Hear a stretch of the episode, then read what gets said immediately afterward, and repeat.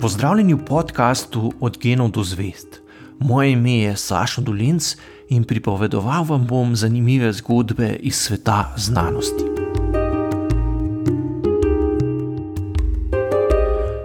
Abelar je veljal za izvrstnega retorika in karizmatičnega učitelja. Na njegova predavanja so se zgrinjale množice radovednih poslušalcev. Bil je prava intelektualna zvezda Evrope in največji učenjak svojega časa. Eloiza je bila prav tako znana po vsej Franciji kot izjemno izobraženo in razgledano dekle z velikim darom za študij. Njuna strastna ljubezenska afera ne bi bila nič posebnega, če se ne bi pisalo leto 1116. Peter Abelar se je rodil leta 1079 v plemiški družini v Britaniji. Njegov oče je cenil znanje, zato je vsem otrokom priskrbel dobro izobrazbo. Peter je bil v šoli še posebej uspešen, zato se je raje kot za vodenje družinskega posestva odločil za akademsko kariero. Kot prvorojenec se je odrekel dednemu plemiškemu naslovu in premoženju, ter se povsem posvetil študiju.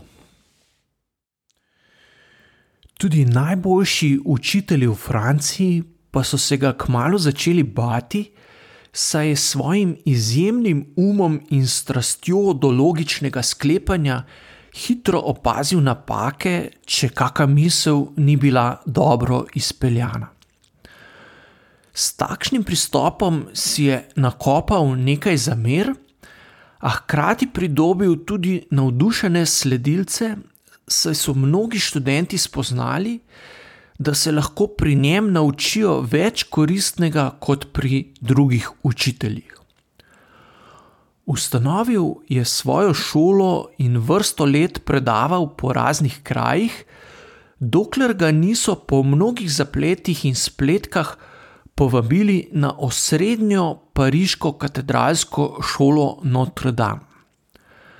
Čeprav je bil še razmeroma mlad, so ga že obravnavali kot največjega živečega učenjaka Evrope. Na to je spoznal lepo in izobraženo Eloizo, ki ga je tudi zaradi svoje nadarjenosti povsem prevzela. Kasneje se je spominjal, da je po temeljitem premisleku sklenil, da je prav ona najbolj primerna, da jo spravim v svojo posteljo. Kar naj sploh ne bi bilo težko, saj sem bil slaven, mlad in izjemno postaven, tako da si nisem znal predstavljati, da bi me katero koli dekle vredno moje pozornosti lahko zavrnilo. Čeprav nekateri viri navajajo, da je imela Eloiza takrat vsega 17 let, je bolj verjetno, da je bila slabih deset let starejša, oziroma vsaj ne več najstnica. Živela je pri svojem stricu Flaubertu, ki je bil stolni kanonik v Parizu in se je zelo trudil, da bi nečakini priskrbel kar najboljšo izobrazbo. Abelar se je, da bi se zbližal s svojo izbranko, domislil predkanega načrta. Preko skupnih znancev se je spoprijateljil s Floberom in se dogovoril, da bi v njegovi hiši, ki je bila blizu šole, najel sobo. Hkrati pa bi kot velik strokovnjak za filozofijo lahko na domu poučeval tudi Eloizo.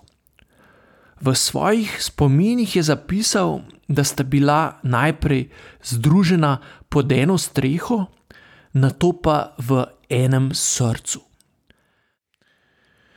Zasebne urice poučevanja so se kmalo raztegnile pozno v noč in po Parizu so se že začele širiti govorice, da Eloiza in Abelar ne preučujeta le filozofije oziroma ljubezni do modrosti. Mnogo let kasneje se je spominjal, da sta imela pod pretvezo študija obilo časa za ljubezen. Z odprtimi knjigami pred sabo sva si izmenjala več besed ljubezni kot lekcij in več poljubov kot pojmov. V najni strasti nisva opustila prav nobene stopnje ljubezni, pa naj je ljubezen iznašla še tako nenavadne reči. Manj ko sva v preteklosti okusila ljubezenske slasti, bolj sva se ji zdaj predajala in toliko manj naj jo je nasitila. Seveda so govorice dosegle tudi strica Flobera, ki je mladega profesorja takoj nagnal iz hiše in mu prepovedal stike z nečakinjo. Na to je prišla še novica, da je Eloiza noseča. Abelar je takrat spoznal, da mora nekaj ukreniti. Ko strica ni bilo doma, je ugrabil svojo nosečo ljubico in z njo pobegnil domov v Britanijo, kjer se jima je rodil sin, ki sta ga poimenovala Astrolab. Vendar ne Abelaru, ne Eloizi življenje na begu ni ustrezalo, saj sta si oba želela živega stika z drugimi učenjaki. Zato se je Abelar dogovoril s Floberom, da se bosta na skrivaj poročila vendar bi poroka ostala tajna, saj bi zakonski stan lahko ogrozil Abelarovo učiteljsko kariero. Eloiza nad poroko ni bila navdušena. Prepričana je bila namreč, da bo običajno družinsko življenje ubilo njuno strast, Prav tako se ji ni zdelo verjetno, da bodo njeni sorodniki molčali glede poroke.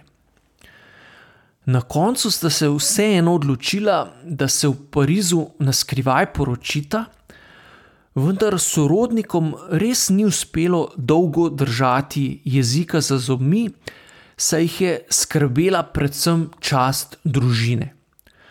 Tako se je kmalo razvedelo, da sta poročena. Eloiza je bila ogorčena in je javno vse zanikala, a škoda je bila nepopravljiva. Da bi se zadeva pomirila, je Abelar Eloizo skril v samostan v bližini Pariza, sina pa pustil pri sestri. Ko je Flaubert izvedel, da je njegova nečakinja v samostanu, je posumil, da bi se je Abelar rad znebil in iz nje naredil nuno, zato je uskipel in se odločil za maščevanje. Plačancem je naročil, da po noči vdrejo k Abelaru in ga kastrirajo, kar so tudi storili. Na to sta se vsak na svojem koncu Francije podredila samostanskemu življenju. Eloiza je Abelaru poslala ganljivo pismo šele 15 let kasneje, ko je dobila v roke njegove spomine, v katerih je podrobno opisal tudi njuno zvezo. Čudovita serija sedmih pisem, ki sta si jih na to izmenjala, se je ohranila in njuno tragično ljubezensko zgodbo preoblikovala v legendo. Čeprav gre pri Eloizi in Abelaru predvsem za ljubezensko afero, je v zadju pomembna tema odnos med vero in razumom, ki je aktualen še danes, 900 let kasneje. Abelar je bil vse skozi zelo spreten v argumentiranju, Še posebej pa je blestev, ko je logično analiziral crkvene doktrine. V svoji slavni knjigi Sik et Non je zbral trditve različnih crkvenih avtoritet in jih razvrstil v dva stolpca. Kar je bilo zapisano v prvem, je bilo v nasprotju z zapisom v drugem stolpcu. Kot je sam pripomnil, naj bi bile zbrane trditve v pomoč študentom pri razmišljanju, saj naj bi se tako naučili iz navideznih protislovi izluščiti resnično vsebino. Prepričan je bil namreč, da logika in razumski pristop ne slabita vere, ampak jo nasprotno utrjujeta. Vendar pa takratni crkveni veljaki niso razmišljali enako. Njegov najbolj unet nasprotnik je bil Bernard iz Clarivoja, ustanovitelj Cisterjanov. Z Bernardom sta se družno borila proti korupciji v cerkvenih krogih, povsem različna pa so bila njuna stališča do dialektike, kot so imenovali razumsko premljevanje trditev. Bernard je bil prepričan, da mora vera temeljiti na mističnih izkušnjah, izmenjava argumentov v obliki pogovora, pa bistvo vere samo zamegli. Knjiga Sikenon je tako predstavljala vse tisto, čemu je najbolj nasprotoval. Mnoga učenja cerkve so bila namreč protislovna ali vsaj nekonsistentna, zato ni bilo povsem jasno, ali logično razmišljanje in razumsko obravnavanje verskih resnic človeku sploh koristi. Ga naredi moralno boljšega ali ga nasprotno pokvari, da postane prevzeten. Dobri misleci lahko postanejo namreč arogantni in vzvišeni, kar se je pripetilo tudi Abelaru. Izvrstni logiki se pogosto tudi premalo zavedajo, da logika omogoča zgolj sklepanje iz ene trditve na drugo. Pri ugotavljanju, katere trditve so primerne, da jih vzamemo za izhodišče, pa logika praviloma ne pomaga. Problem je postal še bolj izrazit z iznajdbo tiska sredi 15. stoletja, ko je postalo znanje bistveno bolj dostopno. Takrat se je izkazalo, da lahko različni ljudje pridejo do povsem različnih interpretacij istega besedila, pri čemer vsi enako dobro logično razmišljajo. Verske vojne v 15. in 16. stoletju so pokazale, da so tudi fanatiki povsem logično konsistentni, ko izpeljujejo svoje argumente in dokazujejo svoje sklepe. Če od nekoga z mučenjem izsiliš priznanje, da se je pečal s hudičem, lahko seveda povsem logično, pravilno izpelješ sklep, da mora na grmado in krščanski religiozni ekstremizem 16. stoletja je bil strahovit. Marija je dosegla višek med 30-letno vojno, ki je Evropo prizadela podobno hudo kot srednjeveški izbruh kuge oziroma črne smrti. Morda so se Bernard in njegovi somišljeniki bali prav takšnih posledic, do kakršnih je prišlo med verskimi vojnami v Evropi nekaj stoletij kasneje. Po mnogih sporih in spletkah so namreč na koncilu leta 1141 dosegli, da so Abelarova stališča razglasili za heretična, množico njegovih knjig obsodili na sežig, njemu pa zapovedali tišino. K sreči je njegov vplivni prijatelj in opat Peter Častitljivi posredoval pri papežu, da so vsaj določilo glede prepovedi pisanja omilili, drugih pa ne pretirano resno izvajali. A Abelar se je moral vseeno do konca življenja skrivati po različnih Petrovih samostanjih.